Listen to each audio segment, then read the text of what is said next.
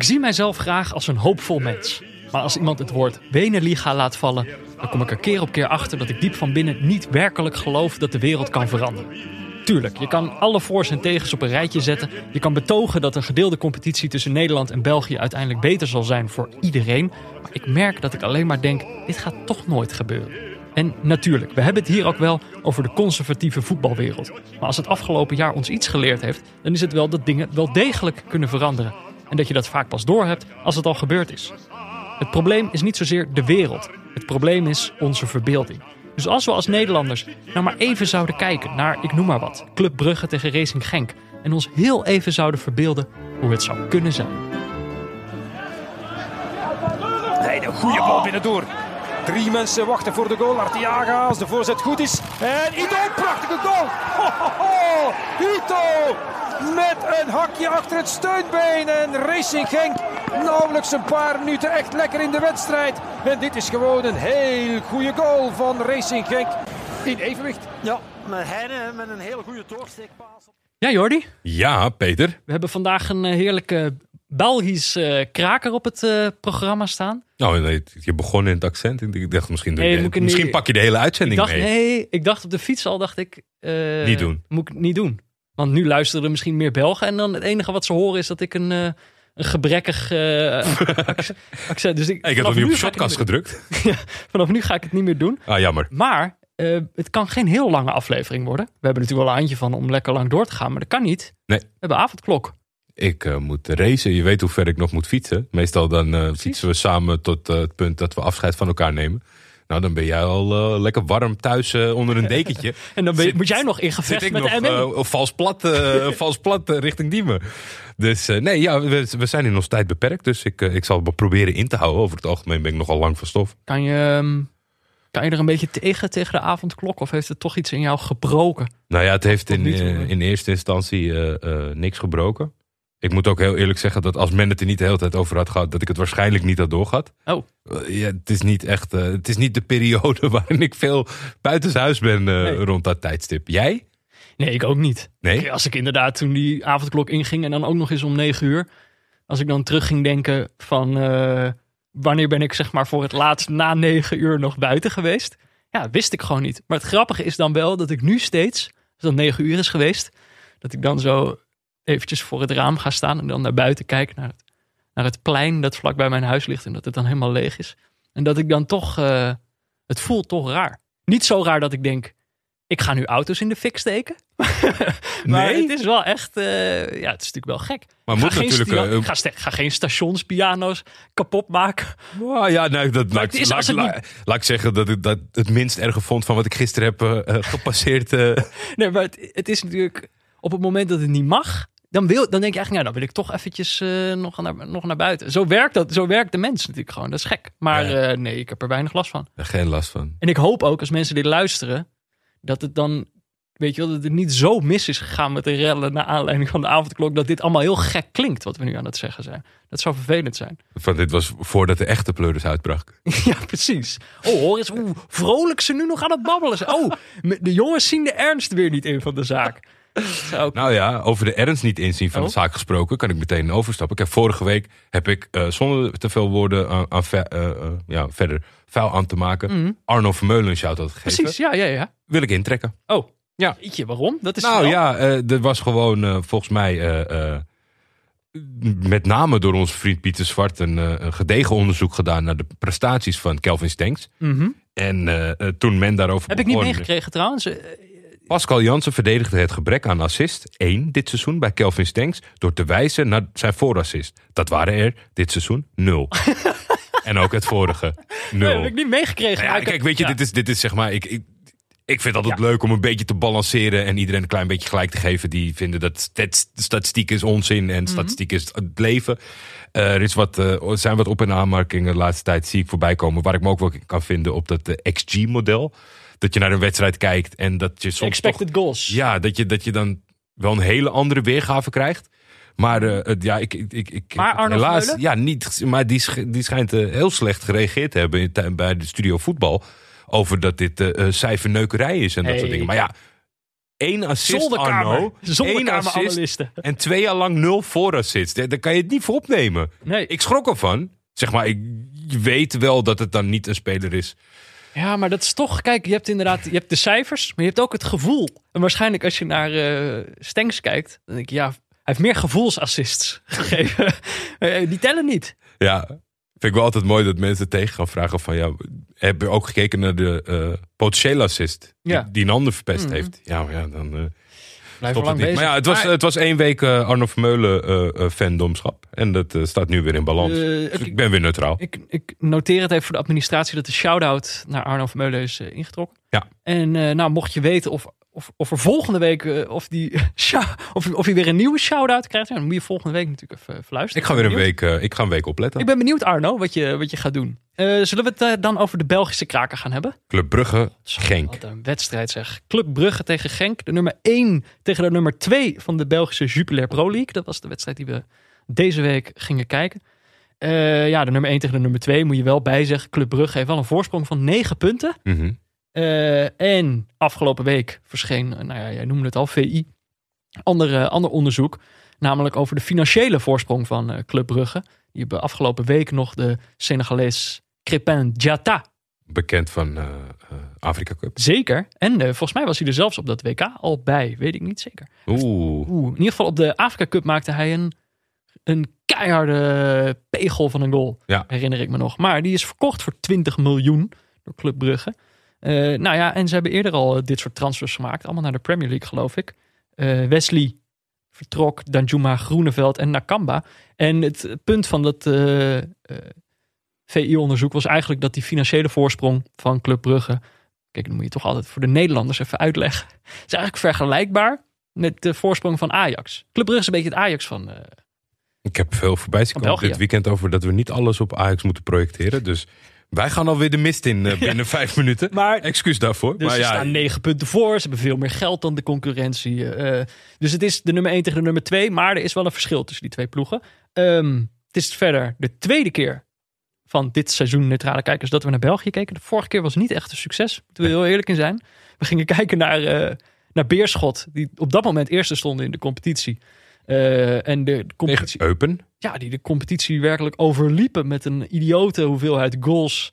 Eh, maar met uitslagen als 5-5 kan je er misschien al wel op rekenen dat het, eh, dat het niet heel houdbaar is. Maar aan de andere kant, er is een soort vloek. Als wij naar een ploeg kijken, dan gaan ze daarna kelderen.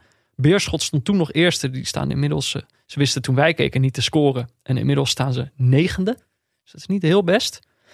Ehm, verder, in aanloop naar deze wedstrijd, want we hadden vorige week al aangekondigd dat we deze wedstrijd gingen kijken. We hebben natuurlijk aardig wat, eh, wat Vlaamse luisteraars, kunnen we altijd zien in de statistieken. Mhm. Of Waalse, dat kan je niet zien in de statistieken, maar ik denk dat die er niks van kunnen verstaan. En eh, ik werd er door eh, Gert, Ben jij Wals? Luister je dit? Laat het even weten. laat het even weten. Ik werd er door Gert van de, eh, onze vrienden van de Shotcast, volgens mij de enige voetbalpodcast van, eh, van België. Klopt. Ehm, werd ik erop gewezen dat, eh, dat de wedstrijd Gent-Genk op het eh, programma stond.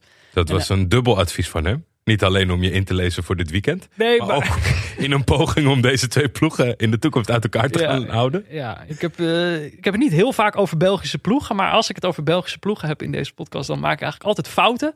Komt namelijk, die namen lijken niet alleen heel erg op elkaar. Al die clubs spelen ook allemaal in het blauw. Daardoor raak ik heel snel in de war. Maar dit was een soort. Hij hoopte dat als ik nou naar die wedstrijd zou kijken, dat het me dan zou lukken om ze uit elkaar te houden. Nou ja, het werd 1-1. Dat helpt niet heel erg. Want dan ja, is het ook nog eens gelijkspel. Eh de wedstrijd zelf was, eh, was, was best wel leuk. Maar het opvallendste, eigenlijk de hele wedstrijd werd bepaald door een vroege rode kaart bij eh, Gent. Carlos Cuesta, die haalde de doorgebroken Jaremchuk onderuit.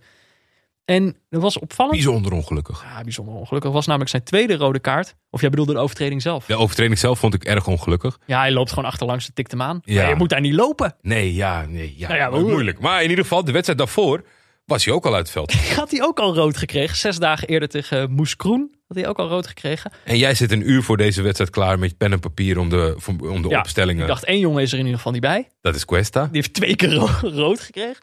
Je snapt al niet, zeg maar, als je de eerste keer rood hebt gekregen, dan hoor je die wedstrijd tegen, tegen Genk hoorde die er dan al eh, Gent hoorde die er dan al niet bij te zijn. Ja, Maar dat, eh, ja, nou, dat was dus. eh, het kan. Met de Belgische bureaucratie is het mogelijk dat de dingen elkaar dusdanig overlappen. Ja, ik snap het nog steeds niet. Ik heb me geprobeerd erin te verdiepen. Hij kreeg uitstelling, uit, uitstel van de schorsing. Ja, en de andere was, eh, was, omdat het midweeksprogramma was, nog niet in behandeling genomen. Oh, dus ja. Dus inderdaad, hij mocht deze wedstrijd nog spelen. Omdat hij pas na, na deze wedstrijd voor het eh, Belgische bondspakket moest verschijnen. Ja, en het was niet de eerste keer. Want er is, het is al een keer iemand gelukt in tien dagen drie rode kaarten. Oh, en hij kon het aanscherpen. Dat was eh, Birger Martens, ook van, van club. Ja? Dat is het record. In tien dagen drie rode kaarten. En hij kon dat dan net aanscherpen. Maar dat, daarvoor moeten we even afwachten of hij vandaag weer rood Dat pakt. was inderdaad spannend, want hij stond wel gewoon weer op, op het veld. En nou ja, hij had dus een record kunnen breken als hij weer rood had gepakt. Dat stond er op het spel. En verder, ja, dat hebben we al een beetje laten weten. Wat er verder op het spel stond deze wedstrijd, eh, was natuurlijk eigenlijk deze hele competitie, of de spanning bovenin. Mhm. Want eh, een voorsprong van 9 punten voor Club Brugge, ja, als ze winnen is dat 12 punten. Dat is wel, dat is wel heel veel. Snel gerekend. Eh, en als ze, maar ja, als ze verliezen, dan zijn het er zes. En dan is het ook niet heel spannend, maar wel iets spannender. In ieder geval. Nou ja, Ja, en Nederlandse tintjes te over natuurlijk. Nou ja, Daarover kijk. straks meer. want kijk, die wedstrijd begint en dan is eigenlijk de spanning is gewoon eh, na zeven minuten. Ja, denk je, wordt, Denk je, een, is het al klaar? wordt een lange dag. We hebben op een of andere manier de laatste tijd heel veel vroege goals. Het was hier ook heel vroeg raak. Eh, en inderdaad, het was eh, Bas Dost na zeven minuten. Nederlands tintje, daar was hij al. Lange bal van Vormer. Ja. Over voorassist gesproken. Steekt, steekt hem diep op Noah Lang. Neemt hem goed aan. Die haalt de achterlijn, geeft hem strak voor. En dan Bas Dost, die wel heel makkelijk eh, voor zijn man komt. Schiet hem, eh, schiet hem keihard binnen. Ik moet eerlijk zeggen, ik was er nog niet bij. Oh, hoezo niet? Nou, ik, Wat was jij eh, aan het doen dan? ik zat eh, eigenlijk eh, tegen de slaap te vechten eh, bij Ajax. En op een gegeven moment pakte ik mijn telefoon erbij. Dus ik refresh die tijdlijn. En ik zie, goal, Bas Dost. ik Bas Dost, is het al zo laat? Dus ik, ik schakelde in de herhaling van dit doelpunt pas in. Nou ja, maar je, had, je kreeg ook wel even de tijd. Want in eerste instantie, eh, de, de, de assistent had gevlacht. Ja, De, de goal werd afgekeurd. Eh, het idee was dat Noah Lang eh buitenspel had gestaan. Maar ze, ging de VAR er nog even naar kijken. En het duurde een paar minuten. Volgens mij heeft het wel twee minuten geduurd. Ehm, en toen werd hij uiteindelijk toch goedgekeurd. En dat was een beetje gek, want ze hadden het beeld wel stilgezet. Maar dat was dan niet, liep niet precies gelijk met Lang. Dus dat was een beetje zo uit een hoek. En daar, op basis daarvan dacht je, ja, hij staat echt buitenspel. Maar de VAR had denk ik naar andere beelden gekeken. Wat lijntjes getrokken. Stond hij toch niet eh buitenspel. En dan is het inderdaad de, de Nederlandse combinatie Vormer, Dost en Lang. Nee, er stond nog een Nederlandse speler in het veld. eh, die ze in deze winter weer terug hebben gehaald. Stefano Denswil. Stefano Denswil. Ja, dat waren vier, vier Nederlanders in de basis. Het waren alle Nederlanders die ze hebben bij, eh, bij Club Brugge. Zoveel Nederlanders dat de, op het Twitter-account, geloof ik, of in ieder geval de sociale media van Club Brugge, werd een plaatje gepost. Ja. Aan de wedstrijd. Waar de blauwe banen van het zwart-blauw vervangen voor oranje banen. Oranje banen. En dan Het- stond er boven Het bijschrift was. Club Holland, Club. Dus ja, ik weet niet eh, wie dat eh, plaatje eh, online heeft gezet. Maar mocht je luisteren, je bent ontslagen. Club Holland Club. Ja, maar ja, aan de andere kant, vier, vier Nederlanders in, in een team. Ja, je toch een, een Nederlandse. Ik vind het wel mooi, zeg maar. Nou, het, het- het is een beetje dubbel, maar ze hebben natuurlijk een. een we gaan even, eh, we gaan even eh, eh, generaliseren, dat is wel leuk. Maar er is natuurlijk een bepaalde mening over, over de buren.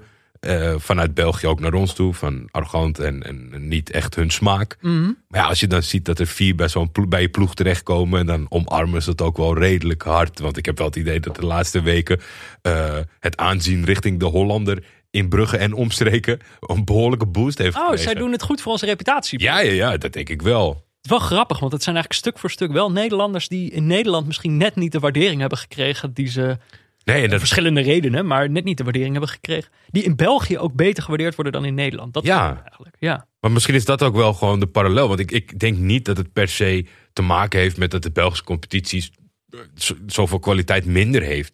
Het heeft hele andere kwaliteiten. En dat zie je ook heel vaak gewoon met spelers die in Nederland er niet, op goed, eh, niet goed op staan. Mhm. Heb je ook tig voorbeelden van. En die worden uitgelachen en die worden naar Excelsior gestuurd. Eh, Bastos, die wordt een sensatie bij, bij Lyon. Soms is er ook gewoon een. is de match er niet met een land. Ja. Nou ik ja, denk dat dat voor lang nog het minste geldt.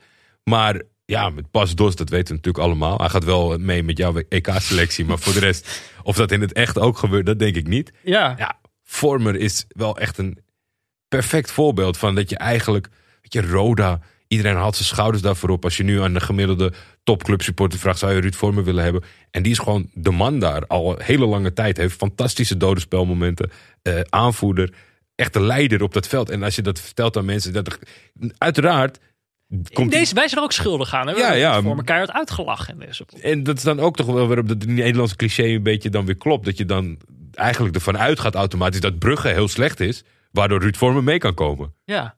Ja, Terwijl zo werkt de wereld niet. Nou ja, maar dat is natuurlijk iets. Aan de andere kant kijken we ook gewoon bijna nooit naar die competitie. Je krijgt er heel zelden iets van te zien. Dus je weet ook helemaal niet hoe goed die competitie is, hoe goed Nou, de ploegen zijn. Omdat ik meestal op zoek ben naar eh, streams. Omdat ik jou probeer te pushen richting eh, hele avontuurlijke eh, wedstrijden. Ja? kreeg ik van een twitteraar, Kjell, de tip een app. In die app kan je dus zien op de wedstrijd welke landen de rechten hebben. Dus een beetje makkelijker gericht zoeken naar een livestream. Dat je weet, het komt op, eh, op eh, eh, Oh. kanaal Plu. De- Ik keek toevallig van, nou ja, wat zijn nou meer opties? Kijk, toevallig werd het dit weekend werd het uitgezonden op Ziggo, dus wij waren tevreden. Mhm. Het wordt in België uitgezonden. Ja. Niet gek. Nou, gelukkig. Ja, In Nederland. En in Luxemburg. That's it. Ja, maar als je, als je gewoon naar een tweede divisie Frankrijk of zo, dan heb je eh Belize. De, de hele wereld ga je over. De meest random plekken wordt het uitgezonden. Ja. Het, het heeft, het, ja, ook, we hadden het natuurlijk over het PR-probleem van Frankrijk. Nou, die van eh, de situatie in België is nog iets penibeler. Het is zo gek, want het is, nou ja, het is een competitie waar ik op die manier, op die reden, dus ook niet per se heel goed hoogte van krijg. Hoe goed zijn deze ploegen nou precies? Maar goed, we- daar hebben we het straks nog langer over. we zaten nog even in de Nederlandse tintjes. Aan de andere kant was er eigenlijk ook eh, eentje. Eh, John van der Brom is natuurlijk de trainer eh, bij Genk. En hij had op de bank, ja, mogen we hem claimen? Een beetje, ja, Cyril Dessers zit daar op de bank. Voelt toch wel als een beetje een Nederlander, toch? Import Hollander. ja. Ja, nou ja, oké, die, die mag je hebben. En als dan om de tintjes even af te vinken, was er een Turks tintje? Mm, niet dat ik gezien heb. Dat is gek. Ja. Dat is toch gek. Nou ja, Het zijn niet zoveel Turks tintjes in eh, de Benelux. goed. 1-0 na 7 minuten. Eh, Bas Dost op aangeven van Noah Lang. Volgens mij was Bas Dost zijn vierde goal al in vier wedstrijden. Ja. Die, is, die is lekker begonnen daar sinds de, sinds de winter. Ik denk, en dat heb ik niet gecheckt, dus het zijn gevoelsassists. Eh, volgens mij vaker op aangeven van Noah Lang. Ja, oh, dat zeker. Dat zeker, dat zeker. Dat kan ik ook nu niet zo opzoeken. Maar eh, Noah Lang, ja, dat hoeven we niet echt... eh, die het- is op dreef. Ik vind het zo'n grappig duo. Het was volgens mij toen Bas Dos net die transfer had gemaakt. Dat je ook zo'n filmpje had dat ze de kleedkamer uitkwamen met z'n tweeën. En dat Noah Lang zoiets zegt van hier is hij dan Nederlands trots of zo. Maar als je ze naast elkaar ziet staan. Het, is, het lijken gewoon eh, twee... Het, is, het lijken gewoon... Soms had je vroeger crossover episodes tussen twee tekenfilms bijvoorbeeld. En dan zie je Ja. opeens twee personages naast elkaar staan die heel duidelijk uit verschillende tekenfilms komen. Dat heb je eigenlijk bij Bas Dost en Noah Lang. Ze lijken niet echt uit dezelfde werkelijkheid. eh. Ik, eh, ik, ik, Komen. ik, snap, ik snap de situatieschets. Ik kan, ik kan me er ook wel wat in vinden. Des te leuker vind ik het dat, eh, dat ze het allebei eh, zo'n onwaarschijnlijk duo. ontzettend eh, naar hun zin lijken te hebben. En elkaar goed weten te vinden. Natuurlijk wel aansluitende kwaliteiten. Vullen elkaar goed aan, Ja. denk ik. Nou, en ik vond het opeens dus zeg maar in het veld... Mhm. vond ik ze heel logisch bij elkaar passen. Omdat Ja. Dost heeft een soort eh, fanatisme en intensiteit in zijn spel. Die is echt gruwelijk fanatiek, geloof ik. En Lang heeft dat natuurlijk ook. Zeg maar een beetje op het randje van het eh, agressieve kan dat soms zitten. Ja. Dat zit zij denk ik allebei. Dus ik toen ik er naar keek, dacht ik, qua energie klopt het wel. Match made in heaven. Ja, een, leuk, onwaarschijnlijk duo. Noah Lang heeft al acht doelpunten en zeven assists. Ja, het is natuurlijk... eh, Schande dat Ajax die heeft laten gaan. Ja, dat is natuurlijk steeds het punt. Nou, op basis van deze wedstrijd, hij was deze wedstrijd ook wel weer lekker op dreef. Is gewoon een hele goede voetballer. Nou ja, wat, wat, wat, wat het super attractief maakt om naar te kijken. Het is natuurlijk op een, op een, op een heel ander niveau dan waar we het afgelopen week over hadden met een Kamavinga. Maar je ziet wel ook gewoon dat deze jongen ten opzichte van die andere jongens. Ja, net even wat sneller is, net even wat soepeler is. Ja. Hij snijdt echt alle kanten op. En het is op het oog, dat is natuurlijk wel een beetje het gevaar. Alleen nu heeft hij het echt wel in enorm rendement is hij het aan het omzetten. aan het omzetten. Nou ja, dan wordt hij bijna de perfecte voetballer.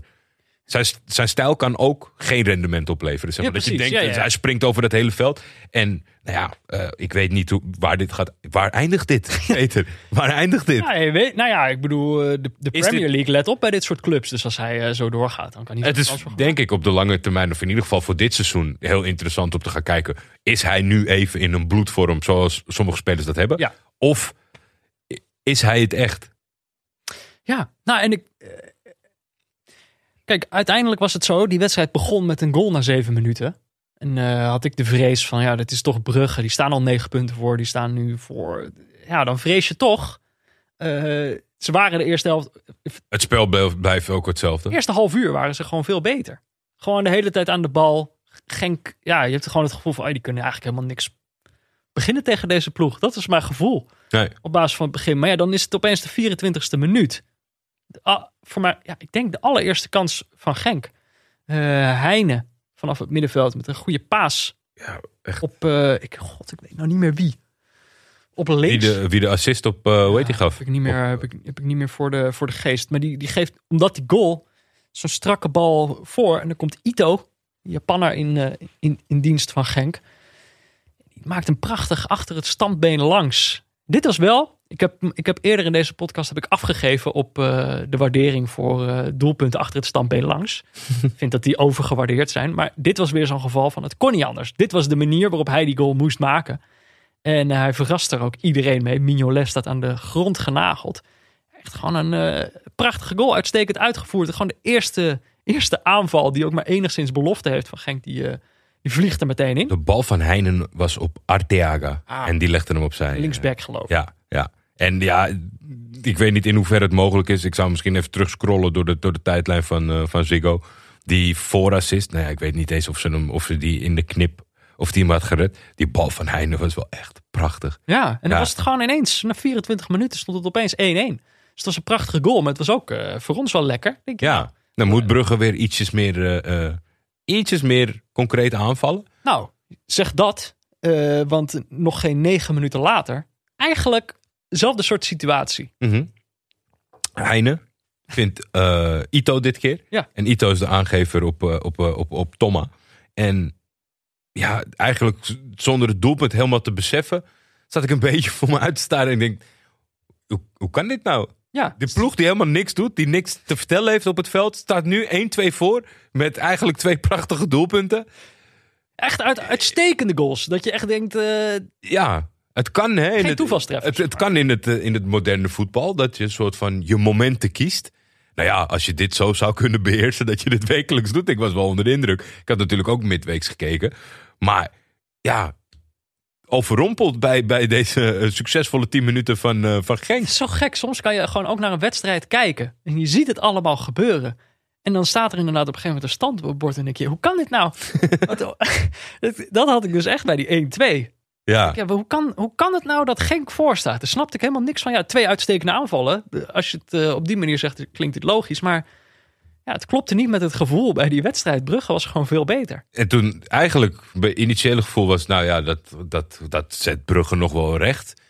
Maar toen het eventjes, zat toch even in een dip. En toen hoorde ik de coach. Ze zullen het zelf eh, misschien ook ge- gedacht hebben van, hoe kan dit nou? Ja, en de microfoon staat natuurlijk eh, langs het veld. En dat hoor je tegenwoordig dan thuis. En dan hoor ik de coach Clement. En die hoor ik zeggen.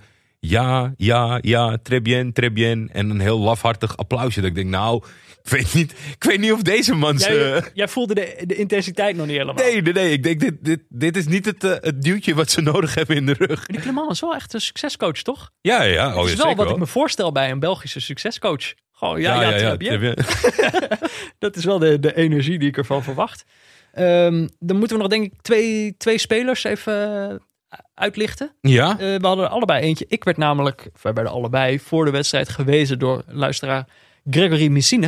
We werden gewezen op, eh, nou, hij wenste ons allereerst een prettige wedstrijd. Dankjewel. Maar hij wees ons via Twitter ook op het beste dat België te bieden heeft.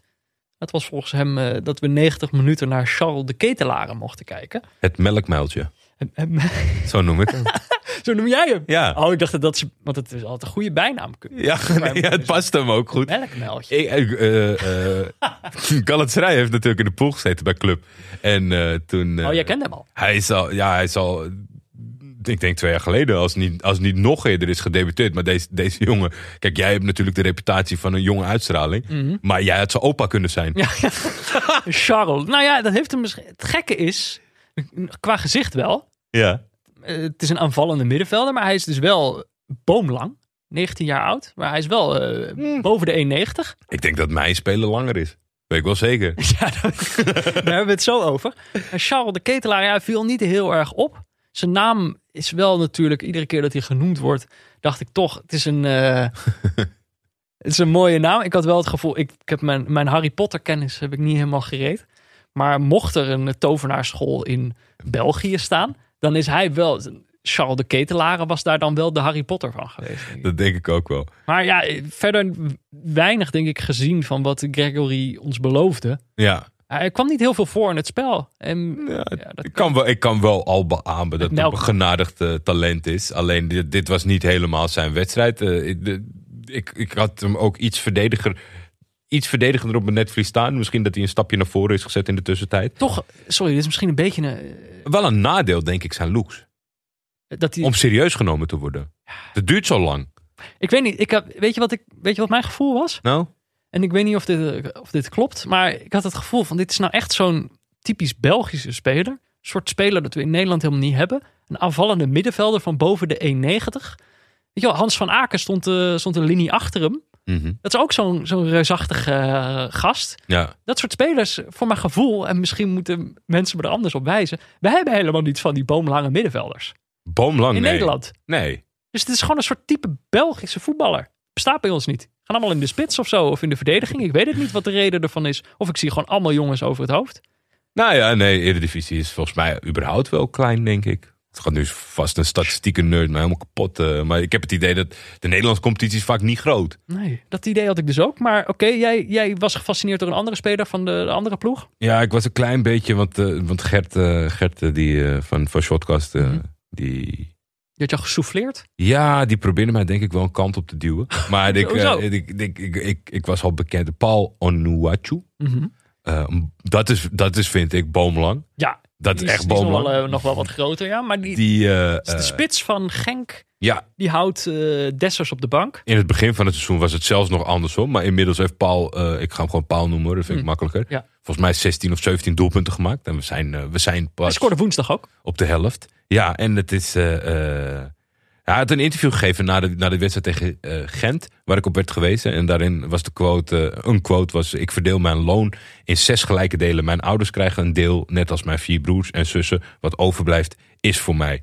Dat. eh, ho- ja, je hoort het nooit, is niet helemaal waar. Maar het, het, schijnt nogal een goed lachse open boek te zijn. Wat ik dan wel ook weer een fijne combinatie vind met hoe imposante persoon het is, zeg maar. Zouden wat anders. Ik, ik, ik noteerde uiteindelijk een beetje de grote vriendelijke reus. Die best wel behendig is. Ja, dat Ik viel mij ook op. Ja, maar dat is, dat is al- zo fascinerend. Dat is, en zo slecht van je als mensen die vooroordelen. Ja. Je ziet een lange spits. Die denkt, ah, die kan helemaal niks met een bal. Ja, koppen en hard schieten Ja, misschien. maar hij is goed aan de bal. hij is echt uitstekend aan de bal. Ik, ik vind hem echt... eh, Dat is dan, het grappige is dat, dan, dat ze over zo'n spits dan zeggen... Ja, hij is voetballend ook goed. dat Ja. is een hele beroep. Is voetbal... Ja, nee, maar dat kan hij ook. dat, kan eh, iedereen- dat kan hij ook nog. Maar het opvallende is inderdaad... Het gaat opvallen op het moment dat een spits van die lengte... eh, steeds ook aan de zijlijnen opduikt en zo. Dus hij voetbalt overal mee. Het was echt wel een eh, leuke, opvallende speler. Ook moet Eh, van Gert wel een bronvermelding doen. Het komt uit het nieuwsblad, deze quote. Welke quote? Over Eh, zijn salaris. Over zijn salarisverdeling. En hoe hij zijn vriendin eh, eh, heeft leren kennen. Dat hij was onderweg in het Nederlandse Schiphol. Om eh, op vakantie te gaan naar Nigeria. Een Nederlands tintje. In Ja, een Nederlands tintje in dit verhaal. En toen eh, eh, was er een meisje dat voorbij liep, een stewardess. Volgens mij Nederlands. En hij had nog maar een paar minuten om in te checken. En hij heeft toch de gok genomen om Nou haar aan te spreken. En dat is nu... Wat een romcom verhaal. Mooi. Dat vond, ik, dat vind ik mooi. Dat vind ik mooi. Rennend door de terminal achter Ja. die stewardess aan. En om het, het cirkeltje rond te maken, was Paul ook nog bijna trefzeker op slag van rust. Ja, en dan was het een heel andere wedstrijd Maar geworden. Mignolet eh, kon de bal net keren. Dit was een aanval. Dit was denk ik een goed voorbeeld van wat voor soort voetballer hij is. Zeg ik op basis van twee wedstrijden die, die ik van hem heb gezien in één week. Maar een aanval die hij zelf opzet op eigen helft. Eh, Bal over de hele En dan een sprint naar voren is hij zelf bijna degene die hem eh, aan het einde van die aanval Ja, binnenkomt. en het zoveelste bewijs dat John van der Brom een soort sluipmoordenaarsploeg ervan heeft gemaakt. Want ook weer na een goede passage van Brugge kon het ineens 1-3 staan. Ja, mijn Brugge had daarvoor had lang net zelf een kans gemist. Ja, Dus het was inderdaad zo'n situatie. Dat is het gevoel dat ik kreeg bij, de- bij, bij Genk. Precies wat je zegt, de sluipmoordenaars. Want ja, eh hele eerste helft eigenlijk geen niet moment de gezien, betere. drie keer kunnen scoren. Nou ja, gewoon niet de betere geweest. Nee. Het is niemand die dat kan zeggen, maar het scorebord eh, zegt dan toch wat anders. Eh, nou ja, en de- wat er in de tweede helft gebeurt, dat eh, houden we nog even voor ons. Maar genoeg spanning in ieder geval. De spanning zit op dit moment nog in de competitie. dat is heel fijn. Gaan we heel even naar een berichtje van onze sponsor.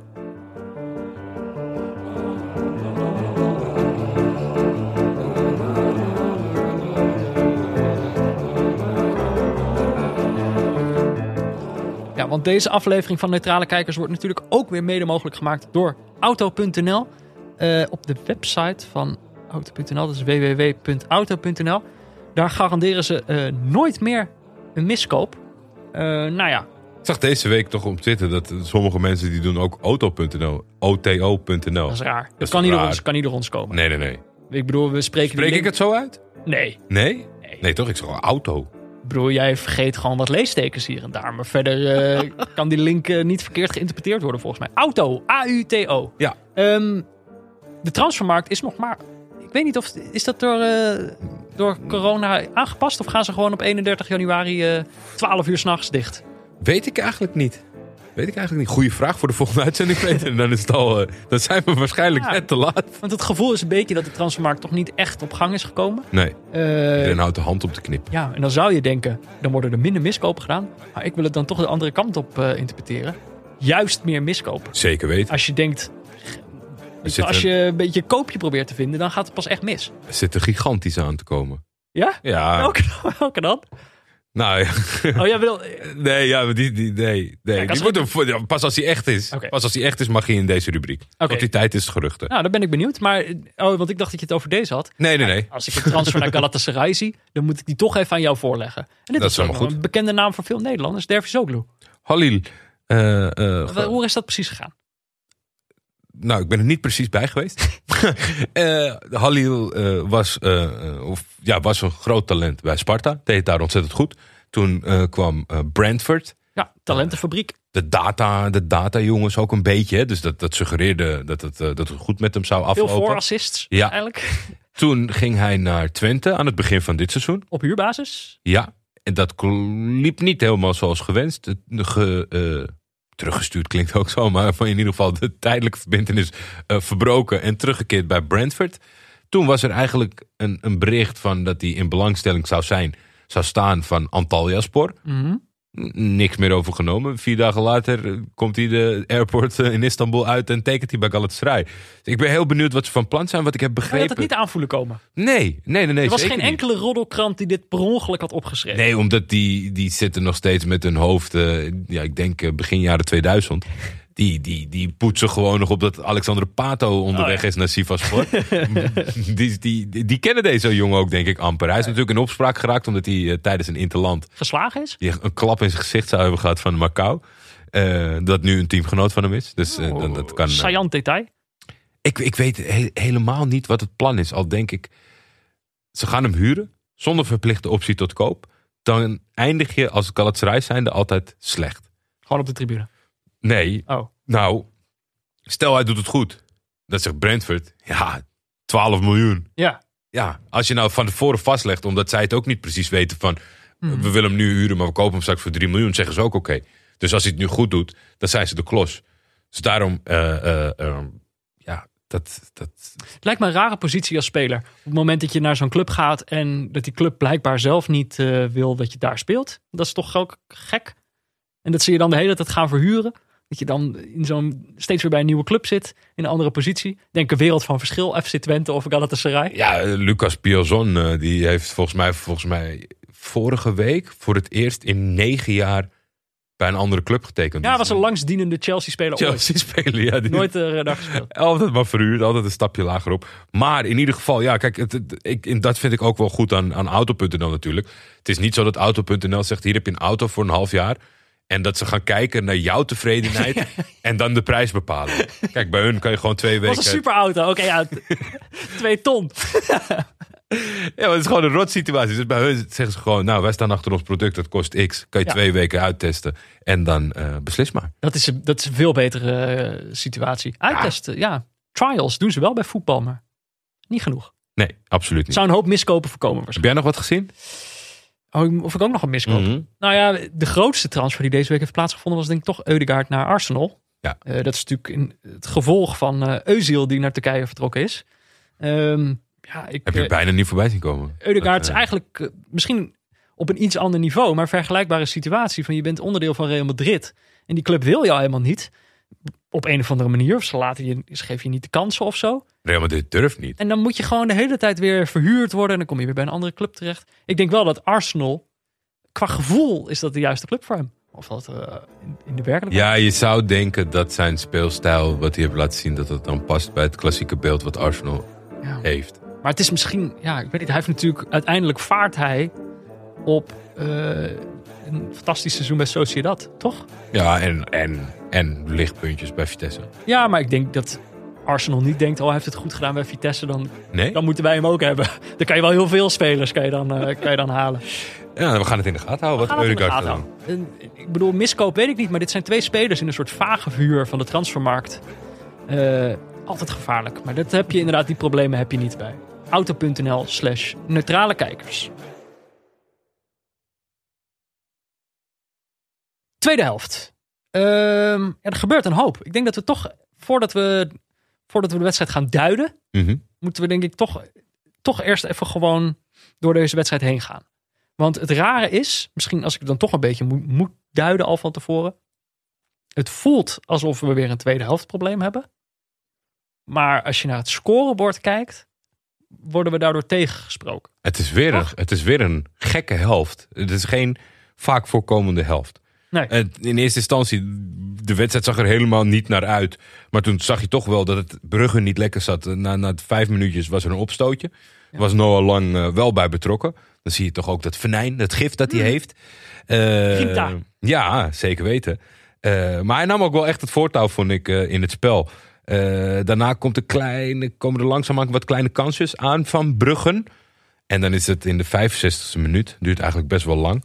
Maar eh, ja, wie anders?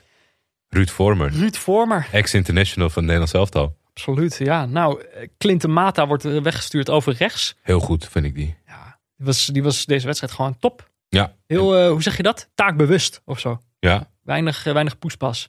Goede teruggetrokken voorzet, daar was hij weer. Ik bedoel, op een gegeven moment moet je, moeten we dat niet eens meer zo noemen. Want elke ploeg doet het gewoon de hele tijd. Mm. Gewoon de achterlijn halen. Terugpassen op een inkomende middenvelder. En dat was in dit geval Ruud Vormer. Er stonden er volgens mij nog wel twee. Als hij hem niet had uh, die anderen wel binnen, binnen gebeukt. Ja, en de, eigenlijk de, de, de echte veroorzaker van, deze tegendoelpunt, van dit tegendoelpunt is eh Munoz. Die net niet alert genoeg is ten opzichte van zijn collega-verdedigers. En met zijn voetje ervoor zorgt dat eh, Mata niet buiten het spel staat. Ja, dat zijn de, de verschilletjes in de topvoetbal, hè? Ja. Centimeterwerk. Ja. Eh, ja, een 2-2. Kijk, En dan gebeurt er iets wat eigenlijk het eindresultaat bepaalt. Oh? 75e minuut komt eh, Dessers in het veld voor On Onuachu. Nee, nee, nee, geintje. Oh, jij bedoelt- Nee, nee, nee. jouw goudhaantje wordt eruit gehaald en daarvoor worden ze gestraft. Ja, nee, maar dat is, dat is onzin natuurlijk. Maar eh, Ja, het is wel toeval. Zo dicht bij elkaar eh, gebeurt het. Dessers komt in het veld en meteen maakt Brugge de, de winnende goal van deze wedstrijd. Brennan Mechelen. Ja, kijk, dat is grappig. Wij kijken niet zo heel vaak eh, naar het Belgisch voetbal. Wij weten niet precies wie, al, wie deze spelers allemaal zijn. Maar er waren zat eh, Belgische luisteraars die ons tijdens deze wedstrijd al wisten te vinden. Mhm. Onder eh, Ber- Bert Depla, vaste luisteraar van de show. Zeker. Die, die tijdens de wedstrijd ons ook even duiding gaf. Die stuurde steeds met tweetjes.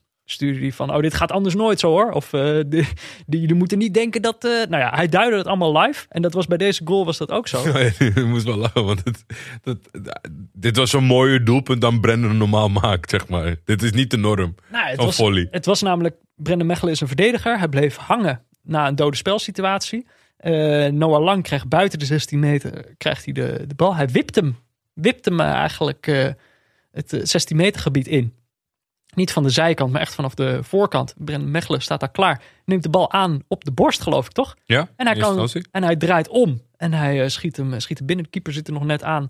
Maar die bal rolt toch binnen. Tweede assist lang van de wedstrijd. En het gekke is dus...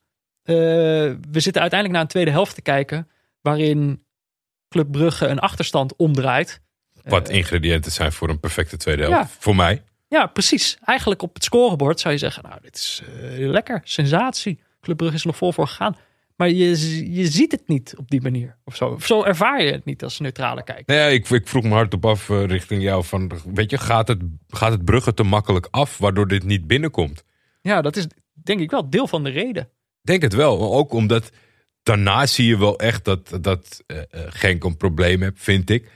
Omdat zij kunnen niet bijschakelen. De, de- er, is geen, er wordt geen poging gedaan tot een slotoffensief. Er zit, geen, Nee. er zit helemaal geen strijdlust in die ploeg. Het wordt echt pijnlijk duidelijk zelfs dat op het moment dat er een klein, kleine kans is om met z'n allen druk te zetten. Dat Dessers in zijn eentje gaat en omkijkt en moet schreeuwen naar de rest van... Weet je, wat je eigenlijk op het amateurveld doet van vastzetten.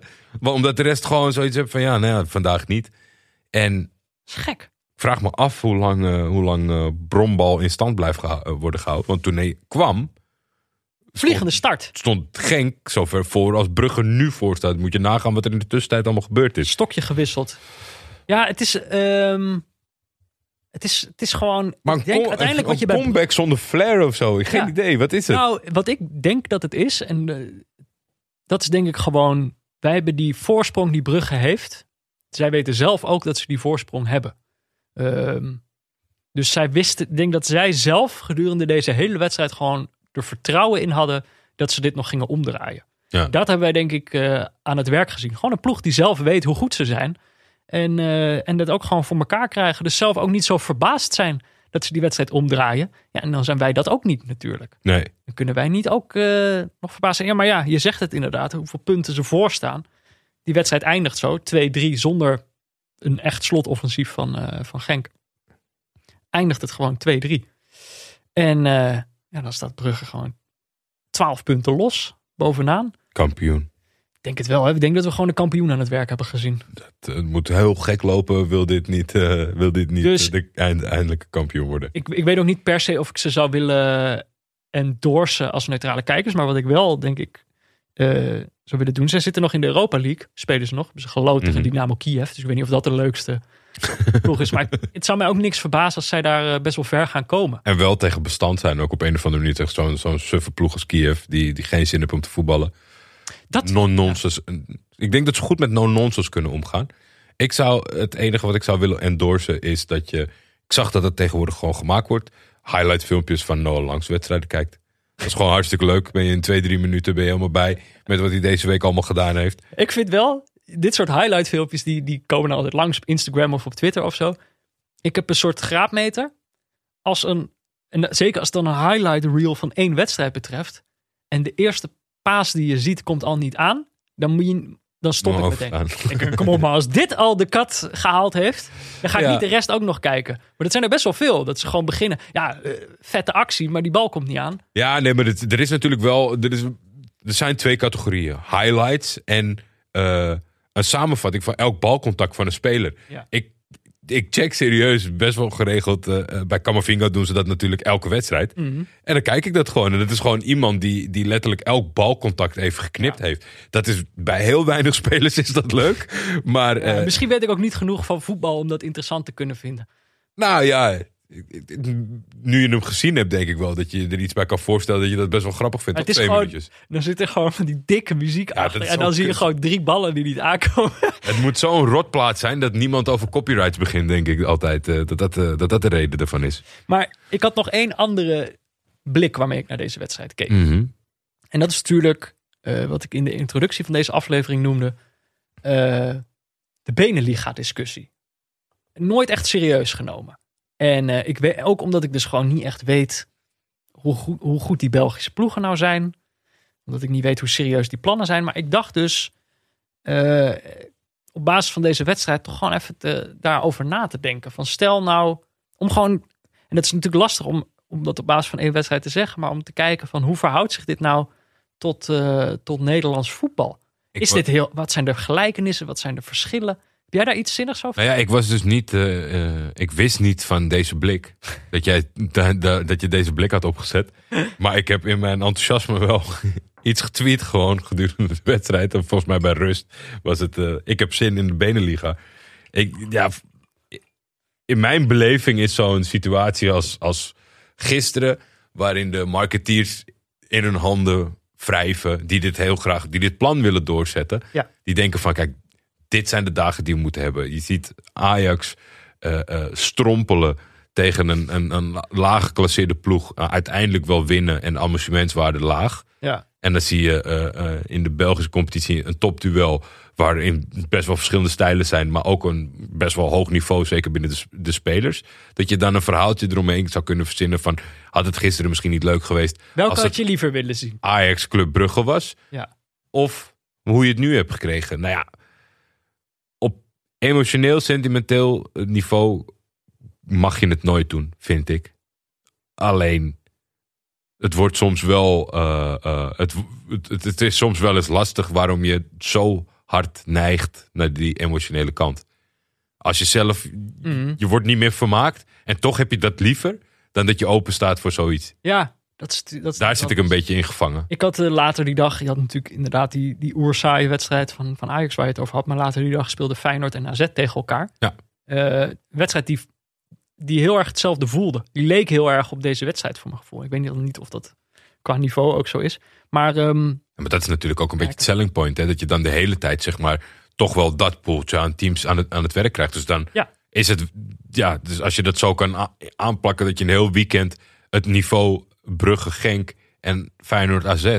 Ja. Ja, dat is best wel natuurlijk voor iemand die niet emotioneel betrokken is bij een club heel interessant. voor de neutrale kijker, Ja. bedoel jij. nou ja, de Beneliga is Ja. op het lijf geschreven van de neutrale kijker, denk ik. Nou ja, en dan, dan misschien dat ze dan in Belize wel willen kijken naar de Belgische ploeg. Je weet het niet. Ja, Eh, ik, maar ik denk dat de wedstrijd het beste eh, Feyenoord AZ, maar ook eh, de, de wedstrijd die wij hebben gekeken, het best samen te vatten is. Ik zag Juri Mulder dat heel mooi zeggen op tv.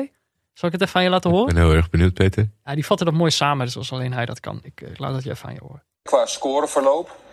Hè, De ene scoorde, dan scoorde de andere weer. Feyenoord, eh, AZ begon. Feyenoord komt terug. AZ weer scoren. Klassiek staaltje duiden. Ik dacht, dat is eigenlijk wat wij ook hebben gezien in deze wedstrijd. En als je dat iedere week kan zien. Ja, het is eh Dus ik dacht, jaloersmakend. om, eh, om, om, om deze, deze wedstrijd af te ronden, Mhm. dacht ik, misschien moeten wij gewoon op basis van deze wedstrijd een definitief oordeel geven of wij voor of tegen een Beneliga zijn. Ben jij voor of tegen? Tegen. Voor. Oké. Nou, we zijn verschillen weer van mening. Ik ga Dus me niet gaan, uitkomen, eh, denk we, ik. gaan, eh, we, moeten dit, eh, we moeten dit toch op een andere manier. Ja, Het, het zit er gewoon niet in. we zijn even toe aan iemand anders. Zullen we even... Weet je waar ik wel aan toe ben, eh Jordi? Nou, Aan eh, een stukje motivatie. Motivational Pieter ben ik eigenlijk aan toe. ik heb er niet zoveel zin in deze week. Dus Nee, eh, met, jouw goedkeuring eh, zou ik het prettig vinden om... eh, Nee. Als je kijkt eh, welke eh, geluidskwaliteit eh, Pieter Zwart afgelopen week heeft aangeleverd. Denk je dat moet eerst even eh, opgelost worden voordat we... Ja, ik weet niet, misschien is het, eh, is het ontzettend zwaar weer eh, bij VI. Maar ja, ik was bereid om, om een microfoontje op te sturen. staat midden in een rel. Ja, In die rellen moet hij dan nog iets inspreken. ja oké. nou ja, Pieter, laat maar weten als we, als we een microfoontje voor je moeten kopen. Ja, deze week even geen Pieter. En volgende week gewoon weer wel. Dus dan zien we je dan weer, Pieter. Even kijken. Ik kreeg nog een berichtje. We hadden het vorige week natuurlijk gehad over het tweede helftprobleem. Ja, We hadden zes verschillende verklaringen op een rijtje gezet waarom tweede helften saaier zijn dan eerste helften. Ik kreeg nog een eh, aanvullende verklaring van een oud studiegenoot, Luc Mastbroek, via Twitter. Die stuurde, eh, a priori is van alles in het leven, denk ik, de eerste helft leuker dan de tweede. Tussen haakjes, denk ik. ik snap wel dat als je met a priori begint, dat je naar jou tweet en niet naar mij. maar dat geheel terzijde. Eh ja, het eerste waar ik aan denk is... eh, om dit... Kijk, ik ben natuurlijk altijd geneigd als, als mensen dingen poneren dat ik het onderuit wil halen. Dan zeg ik, seks. Tweede helft beter dan de eerste helft. Oké. Luc? Misschien een keer proberen. Oké, dan zijn we toe aan het gecrowdsourced Oh, jeetje. Ja, onze vrienden van de show krijgen het privilege om namen in ons script te zetten. En dan moeten wij eigenlijk eh, ja, toch dan maar raden waarom ze dat hebben gedaan. Dat is toch een beetje de, de taakverdeling, hè? Zoals we het aanpakken. Dus we hebben weer wat namen erop gezet. Zo, nou, en ik denk dat we er niet aan ontkomen om het heel even over Frank Lampert te hebben. Die naam werd opgezet door Janine, Mida Bartes en Rodney. Eh, ja, en dat, er is natuurlijk een simpele reden voor. Namelijk dat eh, hij heeft de bons gekregen. Ja, is op straat gezet. na een Frank overwinning. Lampert. Lampert leaves Chelsea in the last 16 of the Champions League, in the fifth round of the FA Cup, and for all the headlines aside, who were top of the Premier League at the start of last month. Lampert backed Youth, James, Abraham, Mount en Gilmore, but will Tuchel. Henry Winter, een schrijver van Times, die denkt er het zijn ervan. Ja, ja, volgens mij waren best wel veel. Het is natuurlijk ook een clubicoon. Hè? Dan zijn mensen altijd verbolgen als hij wordt weggestuurd. Maar ja, kijk, we hebben het eerder dit seizoen, zei ik, dat het grote probleem voor Chelsea was dat ze goede of dat ze aankopen hadden gedaan. Mhm. Terwijl het idee dan vaak is, we doen aankopen, we worden beter. Maar je leeft jezelf ook op met een probleem. Of je geeft jezelf ook een probleem, want eh, ja, die moeten wel allemaal eh, bij elkaar passen. En eh, het seizoen daarvoor was Chelsea natuurlijk hartstikke leuk. Door de gunfactor, want ze mochten geen transfers doen. Ze konden geen miskopen doen. En eh daardoor was het een leuke ploeg, ploeg, precies wat jij zegt. Of precies wat die schrijver van de Times zei. Van veel jeugdspelers. Eh, leuk voetbal. Prima resultaat, toch? Ze hebben de Champions League voetbal gehaald. En dan eh, koop, je al, koop je voor 200 miljoen spelers voor hem. En dan ga je klagen dat het niet na een half jaar al, eh, al de beste club van. Ja, van maar ja, ja is, dat, is dat koop je voor hem? Werkt dat zo, Peter? Eh, ja? Ja? Je weet, Nee, hoe bedoel je dat-? Ja, maar ja, dat heb je toch zelf ook. tenminste, dat mag toch Oh. hopen in hemelsnaam dat hij zelf ook de laatste eh, beslissing eh, daarin kan ja, misschien nemen. heeft hij zijn hand overspeeld. Of zo. Nou ja, dat denk ik. ik we hebben ons al vaker, eh, toen het wat minder ging, afgevraagd waarom hij dit gedaan heeft. Kijk, je kan naar vorig jaar kijken. Mhm. Heel gericht dat je zegt van, nou ja, oké, die positie ben ik niet tevreden. We hebben budget omdat we een keer op onze vingers zijn getikt. Al die dingen, het was echt gewoon... Het is een voetbalmanager-team geworden. Ja. Met Ziyech en Havertz en, en Chilwell. Ze zijn veel van het goede. Werner. Ze zijn allemaal wel te verantwoorden, maar ook allemaal dubbel bezetting, allemaal eigen jeugd in de weg. En ja, dat is een beetje hetzelfde als, als dat Koeman een blik Hollanders opentrekt. Op het moment dat het fout gaat, dan word je daarop afgerekend. Hij heeft eh, 250 miljoen uitgegeven. Ja, nou ja, tabé, eh, Ik twijfel erover of, of dat helemaal... ondanks al je zijn, vrienden eh, bij de Times. Henry Winter, clown. Je bent niet eh, team eh, Frank. Nou ja, ik vind wel gewoon... ik, ik, ik snap Roman wel. Ik denk, ik, zie- ik zie hier ook een les in voor de neutrale kijker. En eigenlijk zou de hele voetbalwereld hier een les uit moeten trekken. Namelijk, wanneer was Chelsea leuk? Toen ze geen transfers deden. Mhm. Dus we hebben het hele idee van dat, dat dat iets is wat ploegen beter maakt en aantrekkelijker maakt, aankopen en zo. Maar dat is gewoon niet zo. Niet in alle gevallen is dat de oplossing voor jouw team. Soms is het gewoon een betere oplossing om het een jaar niet te doen. Ik denk serieus dat, dat eh, nou ja, als, laat ik laag inzetten, dat de helft van de voetballiefhebbers zo in het leven staat. Dat eigenlijk op het moment dat iemand gekocht is, dat hij al nadenkt over wie er nu gekocht moet worden. Terwijl wat jij zegt, ja, eh, dat is helemaal niet, dat, dat is niet voetbal. Want eigenlijk, dat imago dat ze hadden, mee, en, en Frank Lampert is daar eigenlijk min of meer aan verbonden. Namelijk dat, dat transferban imago van het Chelsea dat opeens aantrekkelijk voetbal ging spelen in plaats van het eh, Park de Bus met veel jeugdige spelers, best wel aanvallend voetbal. Ehm, dat ze dat nu ook weer aan de straat hebben gezet. En jij zegt het al, die naam werd door, eh, door, door Bert Depla op de, op de namenlijst gezet. Thomas Tuchel, waarschijnlijk zijn eh, vervanger. Ja, want die heeft bewezen dat hij met een selectie vol grote spelers echt iets kan bereiken. Word je Kom toch op, gek man. van, Peter? Die, gaat het nog niet eens, die is nog niet eens... zijn eerste termijn heeft hij ontvangen van zijn ontslagrecht. En nu, nu is hij alweer terug. En op basis Hij is nog niet wat? aangekondigd, hè? Nee, oké, maar ja, het is volgens mij zo stellig. Dat, dat zal dan wel weer gebeuren. Ja. Mensen hebben meteen, zag ik bij mij, geteld hoeveel selectiespelers ze hadden. Dus als het goed is, kan hij er, eh, kan, moet hij er net mee om kunnen gaan. Ze hebben daar natuurlijk ook een heleboel huurspelers en dat soort dingen. Ja. Ar- Armin Twitter vanmiddag eh, van... Ze zijn gewoon weer terug naar wat ze waren. Wat heeft hij nou laten zien dat hij in die A-categorie als trainer behoort? Hij is natuurlijk een beetje een soort van eh discipel van Klopp. Met Mainz en Dortmund en datzelfde trek. Maar op het moment Ja. dat hij stapje omhoog maakte bij Dortmund... hebben ze hem eruit gekegeld omdat hij niet hij kan alleen maar met zijn team omgaan, daarbuiten niks. Het is gewoon een tijdje, als je een Duitse trainer was, was het een streepje voor. Ja, en toen ging hij naar Paris Saint-Germain. Nou, daar kon hij wel met niks meer omgaan. Niet met zijn eigen club, niet met het bestuur. Met iedereen heeft hij de hele tijd bloedbonje. En hij heeft overal zelf, eh, kan hij niks aan doen. En dan bij zulke grote clubs, met zulke dingen die van de buitenwereld goed meetbaar zijn, zegt Chelsea dan toch: Thomas, ga het gewoon doen. Imago-kwestie, toch? Het is gewoon een imago van een topclubtrainer. En dat is Ja. genoeg. Maar ja, dat zegt genoeg. Chelsea is toch gewoon nu niet leuk meer? Is gewoon klaar? Dan moeten we, dan moeten we weer een andere gaan. Afgeschreven. Waarover later meer. Afgeschreven. Jij nog een naam? Ik zie, kijk, soms staan er gewoon namen op. Dan weet ik, die moet ik naar Jordi pasen. Ryan Babel. Hompie Homgraaf had die erop gezet. Hompie Homgraaf. Eh Ryan Babel die heeft een, eh, een eh, heupschot deluxe gemaakt afgelopen weekend. Binnen de goal. Ja, eh, vlak voor tijd eh, eh, eh, schoot hij raak voor een Galatasaray. Wat het heel moeilijk had op een heel slecht veld.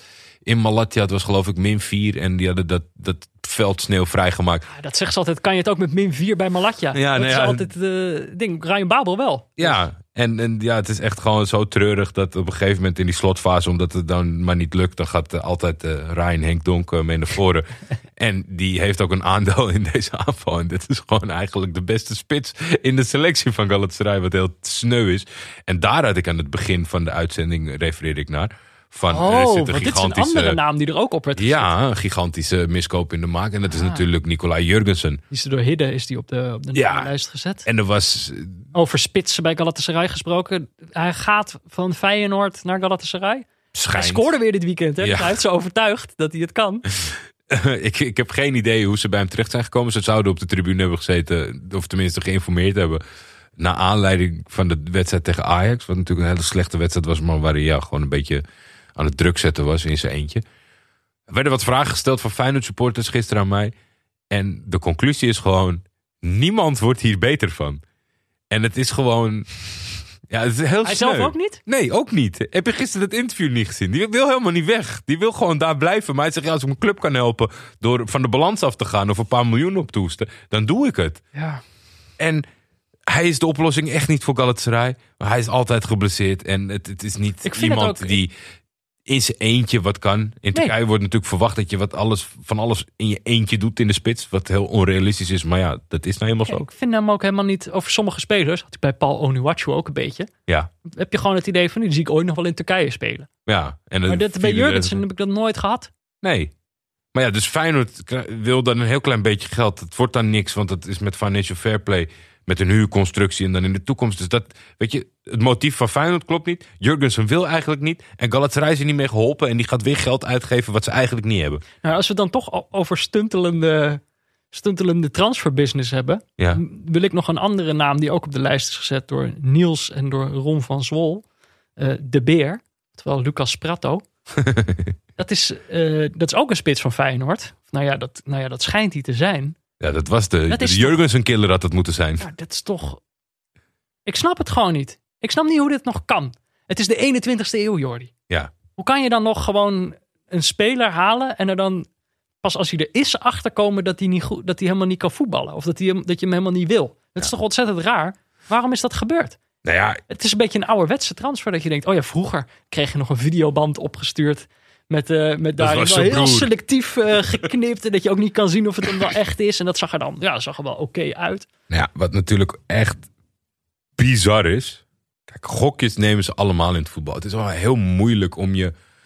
Weet je, je wil bewegen, maar je hebt geen mogelijkheden. Het zijn gewoon, dat is Galatasaray en Feyenoord. Dat is een club zonder mogelijkheden die iets proberen. Dat, dat zit wel eens een mispeer tussen. Alleen dat jij deze jongen bekijkt, hier naartoe laat komen, eh, een, een medische controle doet. En dat je denkt van, ik, dat laatste beetje geld wat ik heb, steek ik hierin, want misschien kan het wel. En dan dat hij eigenlijk niet fit genoeg is om mee te komen. Ja, dat kan Dat niet. is toch gek? Ik vind het best wel als jij gewoon een hele fitte jongen en het is geen, het is geen match. Kan een keer gebeuren. Maar als iemand niet fit is en je moet. Zo, je, je huurt hem maar voor een half jaar. Je hebt hem maar een half. Dan, nou, niet eens een half jaar, een half seizoen. Dat, dat, kan ik echt Dit is eigenlijk bij. hetzelfde als, dan heb je het idee van dit moeten we oplossen met een aankoop. Dit moet Ja. een soort externe factor zijn. Terwijl, kan toch niet dat er geen jongen van 18 bij Feyenoord rondloopt Maar dat- die dit beter had? Dat wilde ik net zeggen. En dat is wel erg, want dat is wel zo. Moeten, moeten we die gasten een transferband geven voordat ze het een keertje normaal gaan doen? Nee, maar dat is het rottigste voor een club. Want dat is natuurlijk het- je eerste reflex is, en dat zeg ik ook bij al die troepspelers die Galatasaray haalt. Ik kijk liever naar een jongen vanuit de opleiding en laat hem maar fouten maken, dan dat ik naar die C, D, E categorie speler kijk. Weet je, die, toch, die, die staat zo ver af van wat de club is. Doe dan maar, dan gaan we wel met z'n allen ten onder. Je, Alleen, het gat is zo enorm soms. Ja. Feyenoord heeft echt geen spits. Die zullen echt wel eerst gekeken hebben van... het op een gegeven moment in de eredivisie maakt ook niet meer uit. Als hij 16, 17 is, zet er lekker in. Maar ja, het is er blijkbaar niet. Ik vind het, weet je, soms heb je gewoon het gevoel, eh, het voetbal wordt steeds moderner. Maar dit zijn gewoon wel momenten waarop je er weer aan herinnerd wordt van nee, het is toch ook gewoon echt, hoeveel geld het ook allemaal is, het is toch gewoon een complete amateurbusiness. Op eh, heel veel fronten. Ja, dat is absoluut waar. Eh, aardappel, met, eh, met een T, die had Wil Stil erop staan. Will Still, ja. Wil Stil, dat is eh, de na Nagelsman van België. Dan kunnen we er nog even terugkeren naar... de, eh, wat is het nou? De nieuwe hoofdtrainer van Beerschot. Want Ja. Lozada kreeg een, die is niet de laan uitgestuurd door de slechte prestaties. Maar die heeft wel het zinkende schip op tijd verlaten. Die kreeg een aanbieding van DC, DC United. United, ja. Dus daar moeten we even de blik op richten. Want als die ook raar kamikaze voetbal gaan spelen. Dan weten we wel dat het door Lozada komt.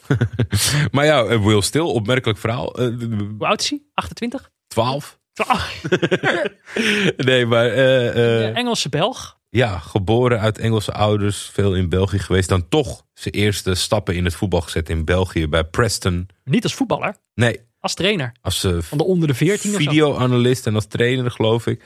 En toen heeft hij zichzelf eh, kenbaar gemaakt in het Belgisch voetbal bij Emiliano Ferrara, de trainer. En die zei van, eh, doe maar. En zo is hij steeds stapje, stapje, stapje. En steeds betere eh, filmpjes eh, voorbereid. Mhm. Tegenstanderanalyses.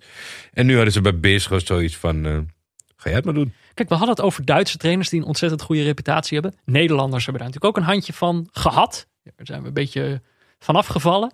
Maar bijvoorbeeld Belgische trainers, die hebben dat niet. Hè? Die hebben geen reputatie of zo. Nee. Misschien dat Will, Sti- bijvoorbeeld Philippe Clement, Ja. succesvolle trainer. Maar gaat hij ooit eh, naar de Premier League? Nee, maar ja, als je dan kijkt een mix tussen, tussen Engeland en België, dat is wel helemaal gewoon reputatie nul over de grens. Denk- Will Still. ja, maar, Ja, maar dit- misschien is hij de nieuwe, weet je wat, de kroonprins van het Belgische trainerschilde. Zou wel leuk zijn, geweldige naam. ja, we moeten het, eh, moeten het in de gaten houden. Ik, ik, we gaan het zeker in de gaten houden. Want als Beerschot nu gaat stijgen, dan is dat het Will Still effect. Stijn dat nou al lang, maar dat hebben we natuurlijk al lang Ja, eh, opgehemeld. Ja. Eh, Ion Isabiere, die zal Pep Guardiola genoemd hebben omdat ik hem voorbij zag komen in een filmpje over dat wij allemaal ooit die speler van Cheltenham waren. En daarom... Ik weet, ik, ik- Hè? We- dit heb ik gemist. Nee, ja, het was volgens mij een bekerduel City tegen Cheltenham. Oh ja. En eh, toch, eh, waarom die ze voor vol aanzag en waarom iedereen die betrokken was bij City genoten had van de wedstrijd was omdat allemaal zijn we ooit die speler bij Cheltenham geweest. Allemaal zijn we een- op zo'n laag pitje begonnen. Dus een beetje kijken naar zijn eigen afkomst. Mij valt dat wel mee. Zat redelijk snel in de opleiding van Barcelona. Ik denk niet dat hij... eh, Niet bij dat- Cheltenham gespeeld, geloof ik. Nee, nee. Dus ja, nou ja ik, ik, ik ben niet neutraal in deze. Ik vind het een flapdrol. Dus, eh, maar het, ik, ik snap wel weer waarom die de tere zieltjes wist te Ja, dat is, dat befluisteren. is heel belangrijk in Engeland, geloof ik. Ja. Dat je wel laat weten dat je de beker toch echt wel belangrijk vindt. Ja, Dan word je echt hard op afgerekend als je een B-elftal opstelt en zo. Ehm, ik had nog een andere naam, Jean-Pierre Reiner. Geen ik idee. Niet bijgezet wie die erop heeft gezet. Dat wil ik toch even noemen. Dat is wel zo netjes. Even kijken. Die is er opgezet door Jordi. Niet, Niet door, ik. niet door jou, nee, andere Jordi. Schrijf je ook op een andere manier. Ehm, jij weet niet wie het is? Jean-Pierre Reiner? Nee. Ik, misschien spreek ik het verkeerd uit. Maar het is de aanwinst van FC Emmen. Oh ja. En het ja, is de vierde Per- Peruviaan in hun eh, selectie. Ehm, Ik weet wel welke muziek daarop staat in de kleedkamer. nou, maar dat is grappig. Ik vind dat toch altijd wel leuk. Zeker als het zo'n beetje zo'n regioclub is als, als Emmen. Die dan eh, toch opeens een internationale connectie hebben met één land. Ja. Maar het is ook een beetje, en ik ben vast niet de eerder, eerste die dit opmerkte. Misschien wel de duizendste. Maar dat ehm, FC Emmen, dat shirt is ook gewoon exact met die witte baan in het midden en die rode baan aan de buitenkant. Het is gewoon exact de Peru. Ja, het is gewoon de vlag van Peru. Dat ze doen alsof je wordt, of je wordt opgeroepen voor het nationale elftal. sta je ineens in Emmen. Nou ja, ik vind het wel leuk. Vier Peruvianen was alleen één probleem. Eh, hij heeft ook bij Cartagena gespeeld in Ja. Spanje. Nou had hij nog een schorsing openstaan die opeens... eh, Ook hier geldt. nou, soms eh laten ze dat gewoon vallen. Maar de FIFA, de UEFA, ik weet niet wie hier precies over ging. Dus Die eh, hield de nog, poot stijf. Het Zij duurt mocht nog nog even spelen. voordat we hem eh, zien debuteren. Reiner. FCM, wat je in, in veel optiek, dat je dan ook eigenlijk wat jij net zegt, zal op, op veel dingen toepasbaar. Je denkt dat het een ploeg is die binnen zijn mogelijkheden hele verstandige dingen doet. Ik zie dat ze Kerim vrij terughalen. Ja. Die hadden ze natuurlijk al gehuurd. En dan zijn broertje erbij. Dan denk ik, ja, het moet toch wel heel toevallig zijn. Wil dat broertje dan echt iets toevoegen? Of zit dat in de De package? De Goudelje deal. Ja, in de, in de package deal. Dan, dan kan ik, dat, vind ik, dat vind ik zo zwak. Had ik niet, had ik niet achter Ja, je, moet wat, Emmen gezocht. je moet wat om een deeltje eh, voor elkaar te krijgen. Ala Filip, Marco Dmitrovic. Wat vind jij van scorende keepers? Ja, dit is de keeper van Eibar. Ja. Die een penalty ging nemen tegen Atletico. Ja. Ploeg die erg lastig te passeren is dit seizoen. Maar eh, de, de keeper van Eibar is het gelukt. Lachend. Ja, hij nam een penalty. Blijkbaar een soort deal van hij mag de penalties nemen. En zolang hij ze scoort mag je dat blijven doen. Eh, ja, ik vind dat wel wat ik ervan vind van scorende keepers. Ja. Nou, Penalty nemende keepers. Sorry, eh, score- Precies. scorende keepers is altijd leuk. Maar Ja. penalty nemende keepers. Dat vind ik eigenlijk ook wel leuk. Ja? Het is wel op een andere manier leuk dan de, de, de keeper die drie spelers omvertrekt tijdens een corner in de laatste minuut en hem dan nog binnen tikt. Ja. Net iets anders. Maar ik vind het wel grappig. Welke idioot doet dit nou, weet je wel? In het moderne voetbal. Wie laat dan zijn keeper een penalty nemen? Dat is een soort eh, risico wat eigenlijk helemaal wordt uitgebouwd in het eh, moderne Ja, ik- de, de gedachte erachter. Ik heb altijd wel begrepen, of tenminste, ik zou hem altijd zeker in de penaltyreeks wel eerder erbij betrekken. Want die gasten die schoppen natuurlijk keihard, eh, die, Ja. eh, geplaatst. Eh weet hoe het is om aan de andere kant te staan. Ja, ja, ja. Dus, dus Ja, heb ik heb dat altijd wel begrepen. Maar- Maar, maar in een wedstrijd. wedstrijd, ja. nee. Want stel je mist hem, ja, dan moet je die sprint terug. ja, Dat is, ik bedoel, dat heb je vaker gezien. Er zijn wel vaker keepers geweest die dit soort dingen gedaan hebben. Maar eh, ja, de afspraak is dat hij ze dus mag blijven nemen zolang hij scoort. Dus er komt sowieso nog een moment dat hij hem mag nemen. En er komt eh, hopelijk ook nog een moment dat hij hem een keer mist. Terror Thijs had Polter. Daar heb ik deze week hard om gelachen, omdat eh, Thomas... Ja, hij, deze, dit was, speler was opvallend omdat hij de eigen goal maakte tegen Ajax. Maar hij heeft ook in Ja, door de weekse wedstrijd tegen NEC een penalty veroorzaakt met een vuile, vuile overtreding. smerig. Nee, maar de Thomas Hoogelink. Dus ik had even nagevraagd of die jongen van NEC nog... Hoe het met hem ging. Maar Nou, eh, als je dit nog kan eh, zien ergens. oh, dit was echt wel gênant hoor. Ja, hoe kan dit nou? Hij raakt die gast niet eens aan. Nee, het is zo ongelukkig. Maar het was, het was een goede pechweeg voor Polter. En ja, eh, op een gegeven moment, ondanks dat je, weet je... Je trainer hebt dan altijd wel begrip, maar ergens stopt het. Dus ik ben wel bang dat we Polter even niet gaan terugzien eh, Op een gegeven op de velden. ook trainers zijn bijgelovig. Die denken gewoon op een gegeven moment, deze, Deze komt gewoon door jou. Ja. Jij moet, jij moet gewoon op de bank zitten nu. Had je Pert Glory, die Rijn erop gezet, dat je, die, dat je dat gezien? Ga ik niet zoeken. Oké. Nee, ik, niet, ik weet niet wat het is, maar ik, eh, dit is Australisch voetbal, toch? Ja, maar het wel gewoon voetbal, het- nee, niet, maar- niet echt Australisch voetbal. Ik wil het niet... Ik, ik zag ook weer een foto vandaag dat eh, Nieuw-Zeeland als een of ander eh, festival weer aan de gang. Ja, Ja. dat doet gewoon echt pijn. Dat doet echt pijn. Ja, snap ik. Gewoon een overheid die het op orde heeft. Gewoon nul, nul COVID-besmettingen en die mensen zitten gewoon allemaal alweer te chillen. Australië ook? Nou, Australië weet ik niet, maar ik gewoon het hele Oceanië wil ik. Ik probeer het, Het gewoon te negeren. Het doet te veel continent, pijn. Oké, nou ja, in ieder Maar geval. wat was er? eh, eh, de uitslag was 5-4. Mhm. Eh, Alessandro Diamanti had, Hey. een, had een grote rol. Die voetbalt daar hij nog. Ja, Jezus Christus. dat, eh, net deze week eh, had de coach gezegd dat hij toch wel iets meer van hem verwachtte. Hij betaalde het niet terug in, in doelpunten, maar wel in het, in het, in het voorwerk en in het leiden van de ploeg. De eerste helft was 1-0. En in 20 minuten vielen de andere acht doelpunten. En ja, het schijnt nog wel een redelijk sensationele eh, eh, samenvatting te zijn. Ja, dat hebben we moeten zien. Er is, volgens mij bestaat er een account die een soort van een maand samenvatting maakt van het voetbal in Australië. Met de, hi- League, met de highlights, maar met een knipoog, zeg maar. Het niveau is echt eh out of, out of context A-League. Ja, er was Dat concept. een goede vriend van mij, Of, Thomas, Thomas Dijkman, die stuurde vandaag een, een, een, een tweetje naar mij. Dat is een keeper. Daar wordt de bal op teruggespeeld. Er wordt geen druk op gezet. En die bal komt denk ik van een meter of veertig naar hem toe. Heel rustig. Eh, hij denkt, nou, ik wacht nog even, ik wacht nog even, ik wacht nog even. Dan staat hij achter, zijn eigen, achter de eigen Lucas, eh, Lucas Woudenberg effect. Maar dan aan de andere kant. Dat lijn. Het is echt een hele trieste competitie, maar wel leuk om even te bekijken. is grappig hè, want Siem de Jong ging daar naartoe. En dan denk je nou oké ja, Australië toch zijn niet, niet heel slechte voetballers. Maar dan blijkbaar, het, ligt echt- niet zo hoog. het is echt veel slechter dan, dan je denkt. Hm. Je denkt het land is goed georganiseerd, goed voor elkaar en dat soort dingen. Dat je dan meeneemt van oh, dat zal wel ook een leuke competitie zijn. Maar dat is echt heel slecht. Manon eh, wilde het toch nog even hebben over de designer van het eh, uitshirt van AZ. Ja. Rare kleuren. Jean-Paul is van eh, de beste tweet over, dus daar kan ik niet echt overheen gaan. Dat was volgens mij iets in de trant van...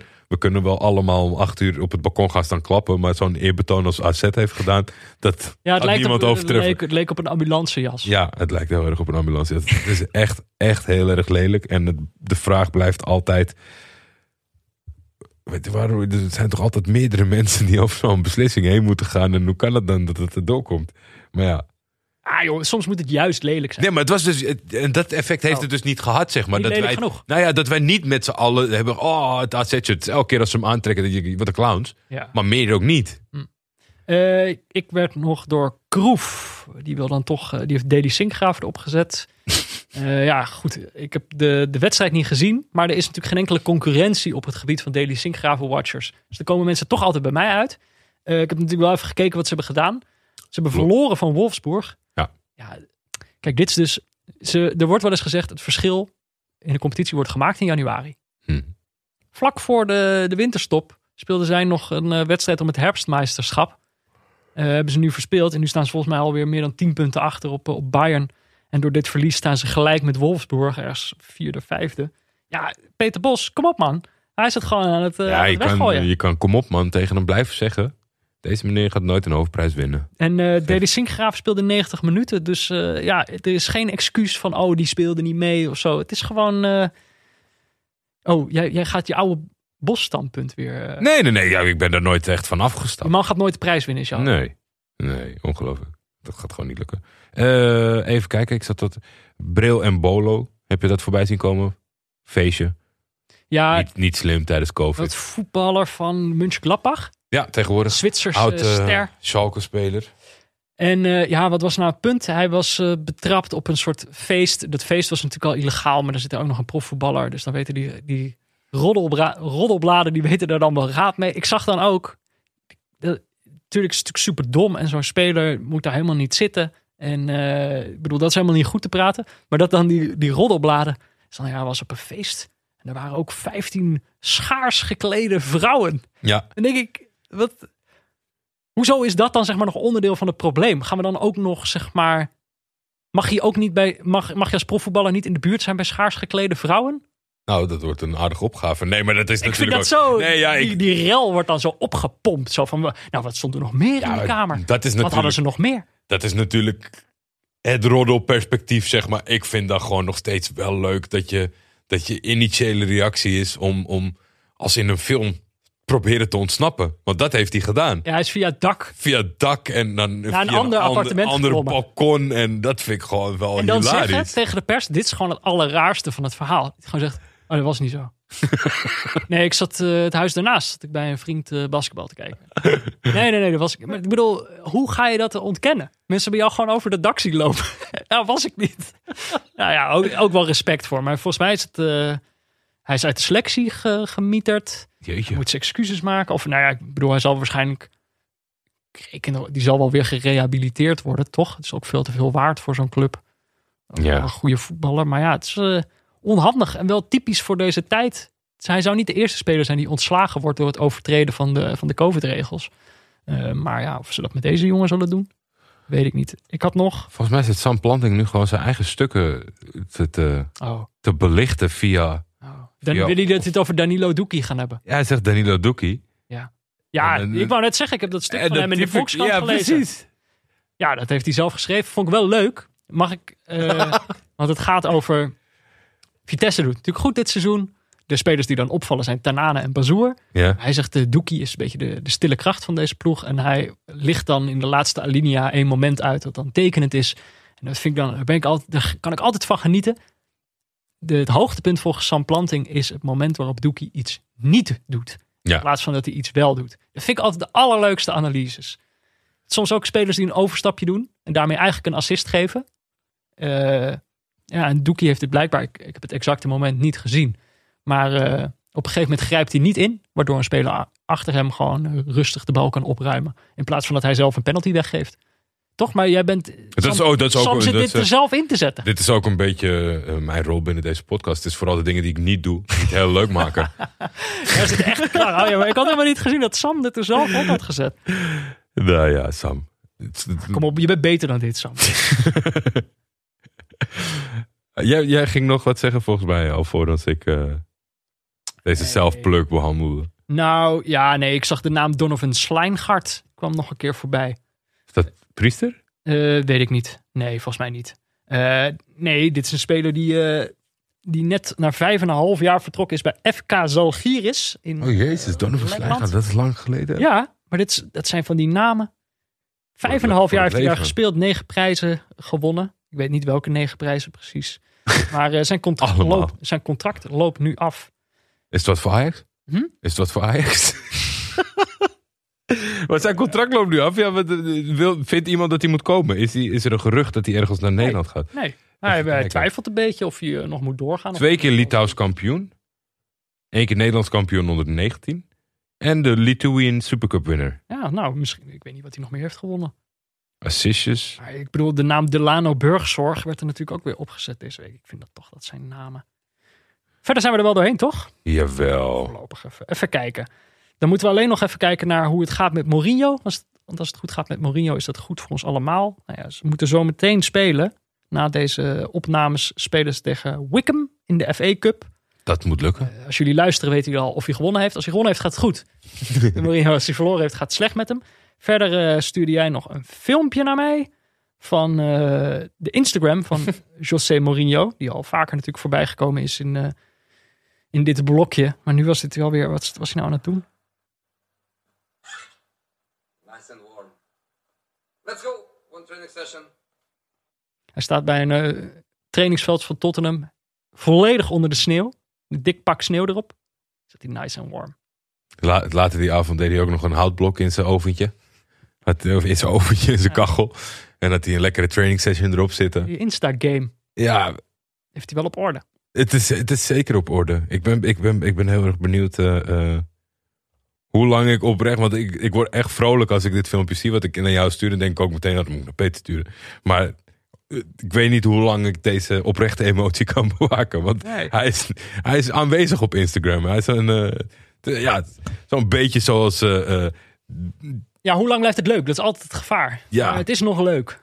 Ehm, hij pakt het een beetje alsof de gemiddelde huisvrouw eh, de hives eh, op een gegeven moment ontdekt. is, zeg maar. glitterplaatjes. Wanneer gaat Mourinho glitterplaatjes? Dat wordt next level.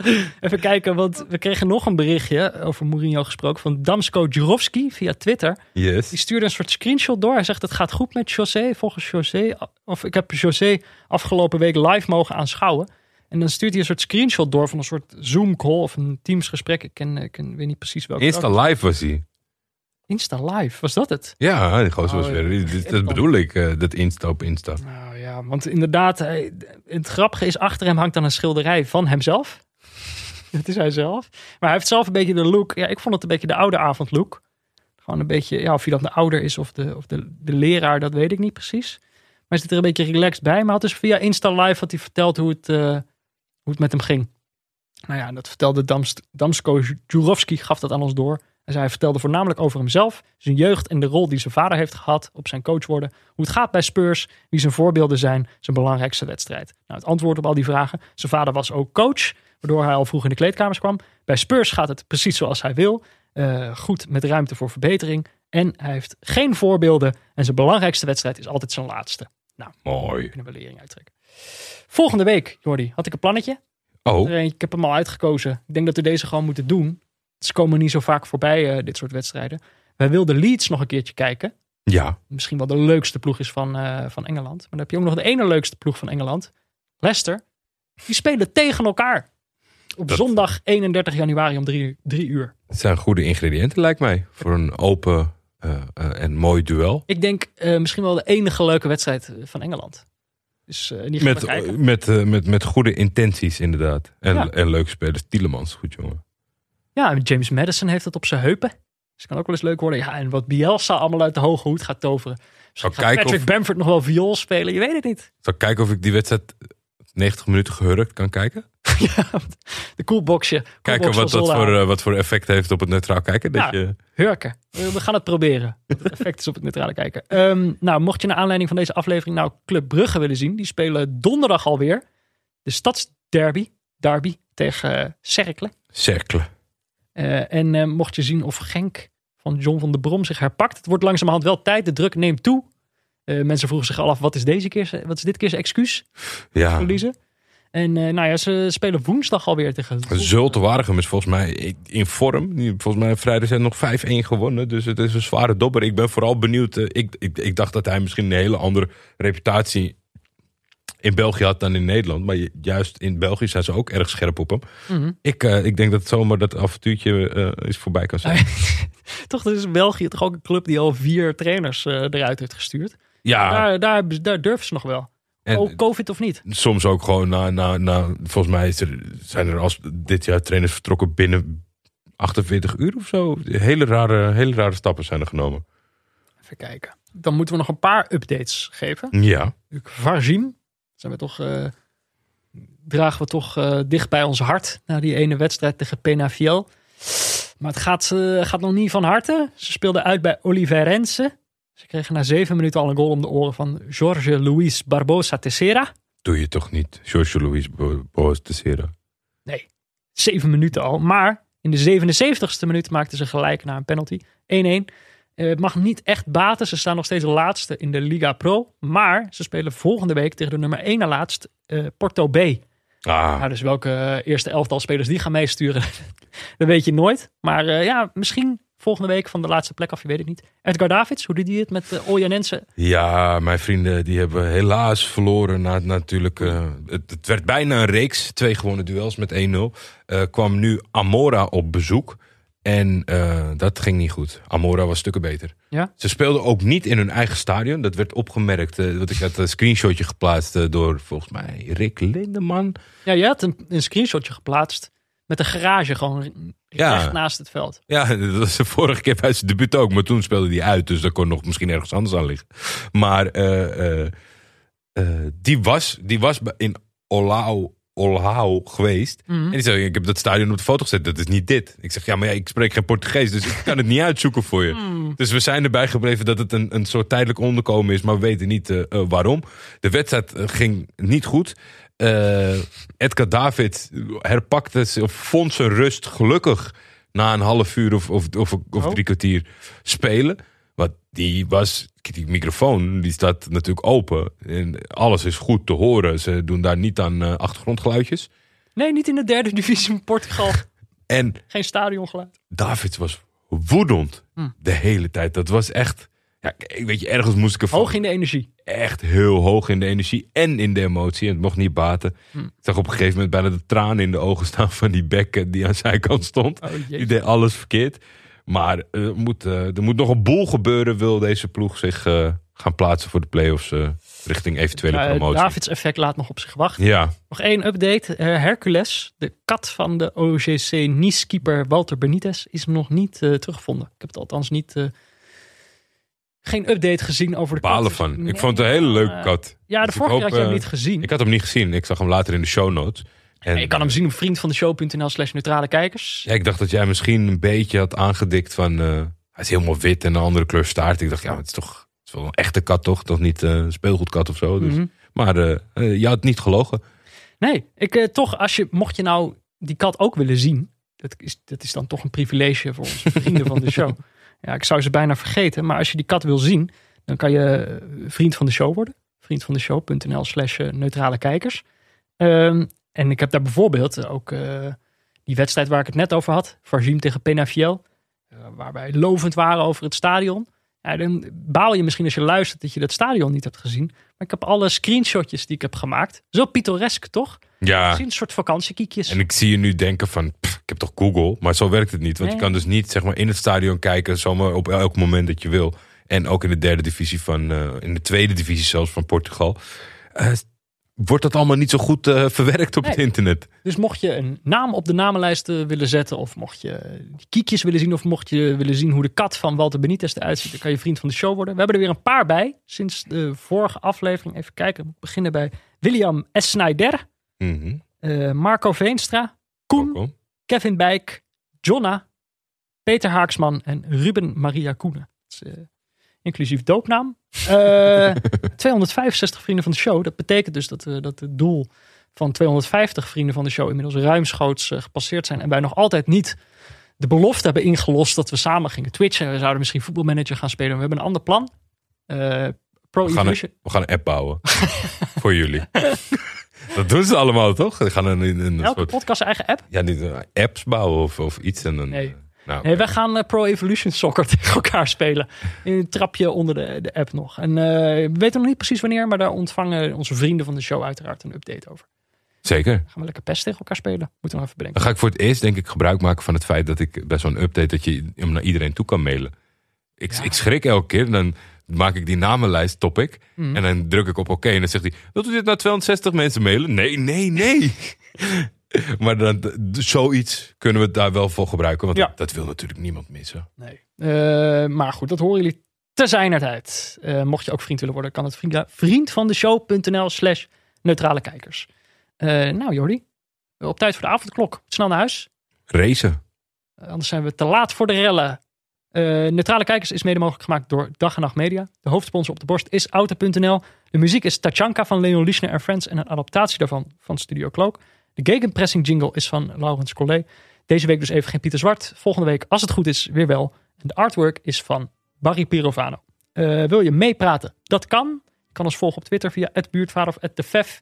Je kan ons mailen op neutralekijkers@gmail.com. Eh, Of je kan natuurlijk gewoon een berichtje sturen via vriendvandeshow.nl slash neutrale kijkers. Eh, je kan zelfs een spraakbericht sturen. En ze vergeten dat steeds, schamen zich nog steeds voor hun stem. Mag gewoon. Gewoon een berichtje, mag alles zijn. De special komt er ook nog steeds aan. Hè? Het is, eh, het is eh, wanneer het meer mag eh, van deze falende regering. Maar als het mag, dan komt er nog steeds een reisspecial Oh, aan. Anders Dus, in eh, Nieuw-Zeeland opnemen. Nou, Hoeveel het gaat over al- voetbalreizen. Ja, Nieuw-Zeeland. Nou, naar de Kiwis. verder. hou afstand. Blijf binnen. Blijf neutraal. Na negen uur bedoel ik. Blijf binnen. Blijf neutraal, dat moet de hele tijd. Keep er nog wel één keer even die piano omver in Eindhoven. Eén keertje. Als, maar wel dan voor negen uur. Nee, eh, we keuren dat niet goed. We moeten het toch afkeuren. Nee, Zet ik, hem ook weer recht daarna. ik keur het wel af. Maar ik heb wel begrip voor als je zoveel opgekropte woede hebt over de zoveelste gefaalde Jan Tiersen poging. dat, je, dat je gewoon het, het setje geeft misschien net iets harder dan je eigenlijk bedoelde. En ik, eh, oh ja Peter, ik moet nog heel snel even iets pluggen voor mezelf. Oh, Hou voor aankomend weekend eh, de stream in de gaten. Of hoe noem je zo'n ding? de feed. De feed in de gaten van onze vrienden van eh, televisie. Ik kan Ja, er nog niet eh, te veel over kwijt. Podcast De Dag en Nacht, podcast Televisie. Ja. Als je dat nog niet kent, check die gasten sowieso. Het zijn natuurlijk onze vrienden Michel Dodeman en Alex Masreel. Ja, en daar, ga jij, daar ga jij iets doen. Ja, het zou zomaar kunnen. Maak daar je opwachting. Nou, eh, ik, hou, ik hou het in ieder geval in de gaten. En, eh, verder, volgende week zijn we weer. Tot dan, Jordi. Tot dan, Peter.